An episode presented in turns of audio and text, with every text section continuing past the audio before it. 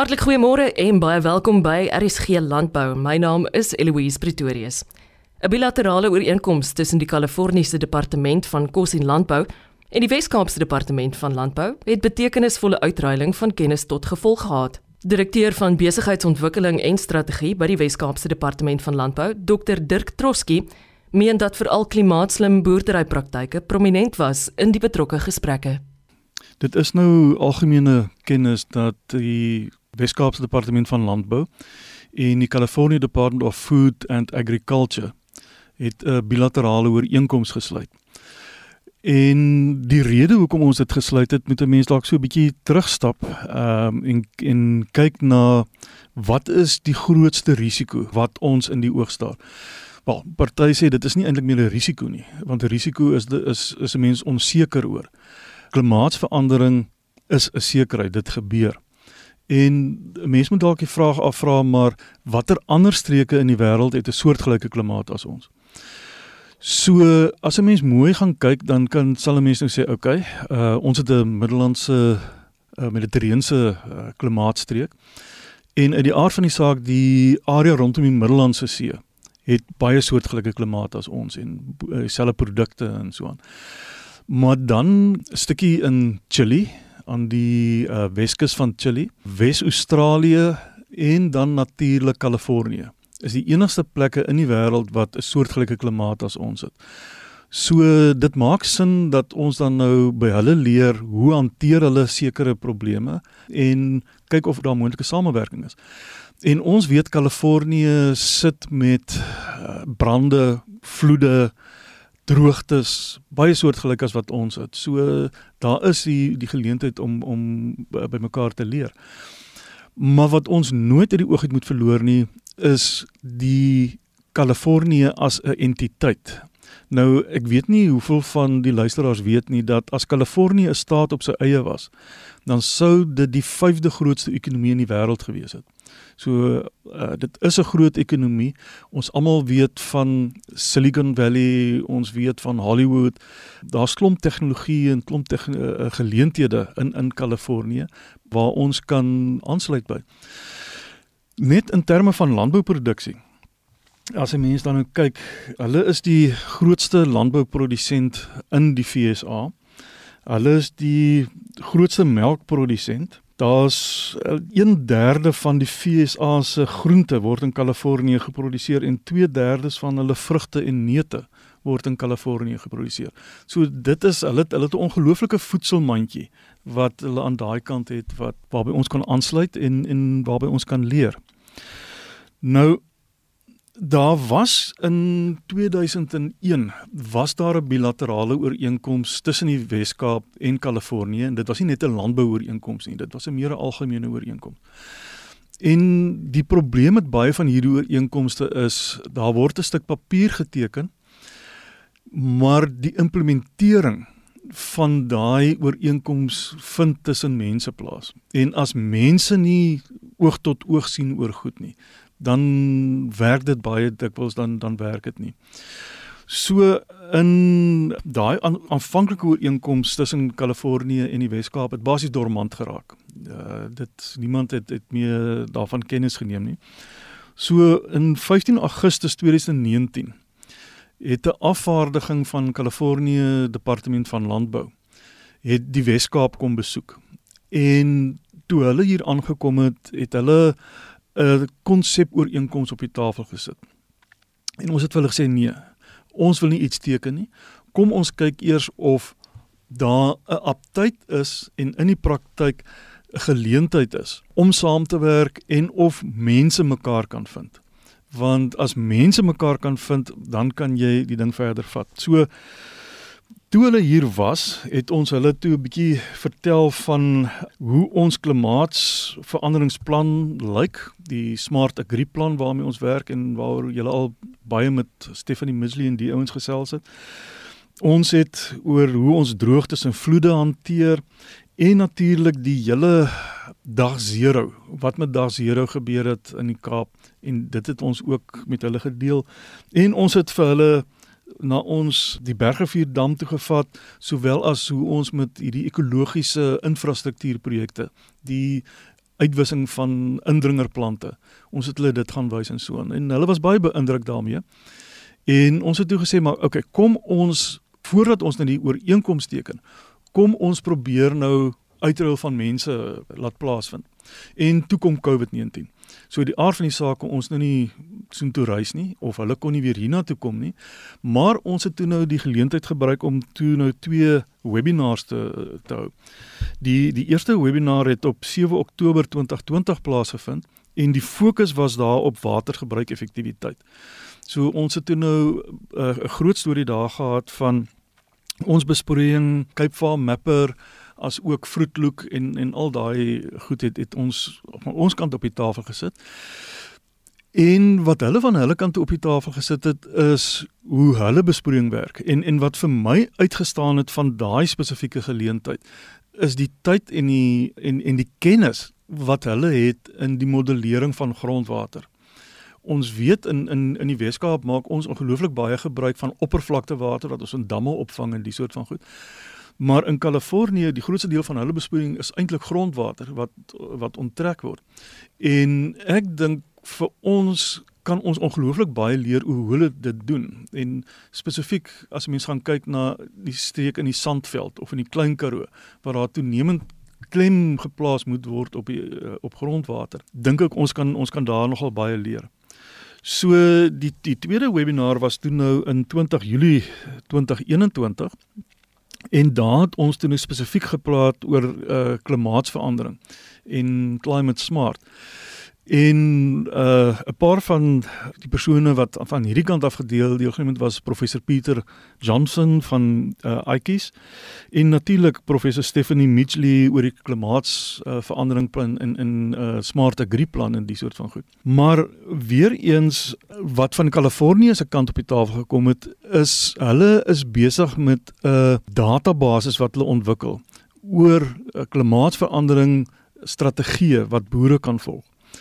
En ons weet wat 'n uh, minimum bewerking wat ons aan hierdie kan doen is 'n tipiese voorbeeld van 'n projek of 'n intervensie wat in daai database opgeneem kan word. Maar die die ander bydraers tot daai database, Kalifornië, Wes-Australië, daai lande is al reeds besig om sekere praktyke in daai database in te sit. En ek dink ons kan baie daarbey leer as ons deel raak van hierdie hele proses. Kyk wat ander lande doen, daar is daai die database is beskikbaar. So, daar is geleentheid vir ons om om voordeel daai te trek.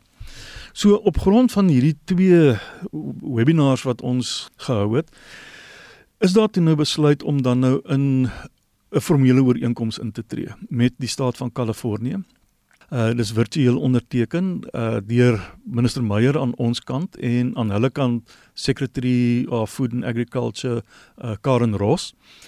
En premier Ellen Wendy was ook deel van die geleentheid. So dit is nou gedoen en die en die groot doel, die groot fokusareas waarop ons wil fokus is natuurlik om inligting en mense en so aan uit te ruil tussen ons en in Kalifornië. En die fokusareas waarop ons wil fokus is watergebruikseffektiwiteit uh, te bevorder, die modellering van die impak van klimaatsverandering, die modellering van uh, grondwatergebruik, inter uh, hoe die institusionele infrastruktuur van die ondersteuning werk aan hulle kant en aan ons kant. So daar is 'n is 'n hele reeks van fokusareas waarop ons wil werk in hierdie uitruil van inligting. So die volgende stap is nou die stuk papier is geteken en alle aanduiding is dat ons in hierdie jaar nog 'n baie senior afvaardiging Kalifornië toe gaan stuur om dan nou verder die grondwerk te doen en ondersoek in te stel na geleenthede en moontlikhede en hoe ons dan nou uh verdere projekte kan ontsluit in in die proses. So dit is hoekom ons dit gedoen het, uh waar ons tans is en wat die pad vorentoe gaan lyk. Kennisuitruiling is sentraal tot vooruitgang in in landbou. Dit weet 'n mens beslis, maar dit is tog vir my opvallend, jy weet, as mense klippe in die aarde laat val en jy's daar iewers uh, tussen San Francisco en Monterey Bay, dan um, gaan hy hier naby Botswana ronduitval. So dis byna so ver as wat ons kan gaan weg van die huis af. En dis ook deels waarom ek gretig was om om meer te hoor daaroor want jy weet ons hoe meer ons van mekaar leer, hoe meer besef ons dat daar sekere dinge is wat ons weliswaar in gemeen het op 'n landbouvlak en ek hou daarvan. Dis wat ons geleer het met hierdie twee webinare is daar's net een tyd wat ons dit kan doen en dit is 4 uur in die middag want 4 uur in die middag hier is 6 uur in die oggend aan hulle kant. So uh, ons moet dan nou 'n bietjie laat werk in die middag en hulle gaan bietjie vroeg opstaan aan die ander kant. Die voordeel is dat hulle dan nog vars is en hulle sit met 'n koppie koffie. uh die ons voordeel is ons kan dan met 'n glas wyn aan hierdie kant sit. So. Gewis, jy weet en um, Amerikaners is slim mense, dit weet ons, hulle is hardwerkend. Ehm um, ek vind ook dat ons jy weet tot 'n mindere en 'n meerdere mate. Dit is 'n groot land, jy weet dis 'n mm. klomp lande in een, maar spesifiek die mense in in Kalifornië uh, myns insien sit taamlik min of meer dieselfde gewoontes en tradisies as ons en um, as ons soos wat ons mamaakie by die departement hierdie tipe van projekte kan kan aanpak en aandurf terwyl dit daarvan om meer inligting en handige tegniese wenke by ons boere uit te kry dan waarom nie Die dan direkteur van besigheidsontwikkeling en strategie by die Wes-Kaapse Departement van Landbou, Dr Dirk Troski. Avonturier Rian Manser neem 5 matrikulante later vanjaar na Antarktika. Die doel hiervan is om onder andere maniere na te vors om aardverwarming te bekamp. Ek is altyd baie dankbaar om met jou te gesels want dan beteken dit jy leef nog en ek het al in my lewe baie oor jou gekommer. Wat is die avonture? Wat is die avonture wat jy nog vir hierdie jaar beplan? So Eloise, so so belangrik en ek ek sê vir mense as jy uh, ouer is en jy verstaan wat ek nou sê is dat ek het geen ander fokus as net my seuns en my vrou nie. So dit regtig is my fokus. Dis nie asof ek nou aan nie aan ander dinge dink nie, maar ehm um, vir ons is om seker te maak ons maak 'n sukses van Matrix en Antarctica. Jy weet ons het vir vir Biostrat en Console nou gekry as lang langtermyn vennote wat wat 'n groot ding is vir 'n ou in in my posisie wat al 20 jaar hierdie projekte gedoen het. Het jy daai mense noem hulle borge, maar dis om na hierdie ondersteuners te kyk en te sê vir hulle te wys ons is dankbaar en dat ons iets met hierdie vyf studente kan doen. So in kort, ek wil seker maak ons vat matrieks in Antarktika na ehm um, hoër vlakke toe. Nou kyk, jy's nou 48 jaar oud en ek het 'n gevoel daar gaan iets baie spesiaal gebeur wanneer jy daardie 50ste verjaarsdag vier. Ja, ek moenie vir jou geheime vertel nie want dan gebruik jy dit in onderhoude, nê. Ehm ek dink ek dink dit is net 'n 'n mooi jaar. Ek dink dit is 'n spesiale jaar. Ek dink dit is 'n 50 is 'n great time of celebration. As jy kan terugkyk en jy kan sê kom sit luister. Wat het jy met jou 50 jaar op aarde gedoen? En ek praat nou nie van midlife crisis tipe idees nie. Ek praat van voordat jy dit weet Rian is jy 70 jaar oud en dan kan jy die dinge doen wat jy van al gedroom het. Want ek wil ek wil die wêreld sien. Ek wil dit met my kinders doen en ek gaan daai 50ste jaar vat. Ek gaan hooplik genoeg geld bymekaar kan uh skraap om 'n uh, klein seilboot te koop en dan gaan ek hulle letterlik om die hele aarde seil. Rian, dit is altyd baie spesiaal om met jou te gesels op RSG Landbou. Wat is daardie spesiale boodskap wat jy op hierdie stadium vir die boere van Suid-Afrika het? Ja, dit is ek weet almal sê dit vir vir hulle. Ek dink almal sê dit gereeld. Hulle sê vir hulle vasbyt, sê bid, dinge sal uh, regkom. Maar in Engels is daar uh, twee dinge wat ehm um, ek gereeld gebruik as ek met ehm um, groepe ook praat. Suksesvolle mense het, het, het twee het twee dinge wat al daai suksesvolle mense ehm um, houdings wat hulle het. The first one is they believe that things will always get better. So they believe it. Van ons sê o, miskien sal dit beter word. Uh, suksesvolle mense soos boere glo dat dinge beter sal word. En die tweede ding, they know that they are capable of making it so. Moet nooit ooit ooit daai gedeelte van dit misverstaan nie. We are good enough. South Africans box way above our weight. Ons is ongelooflik as mense van alle kulture, van alle rasse. Ons is ongelooflik. Jy moet glo dat jy daai talent het om 'n verskil te kan te maak.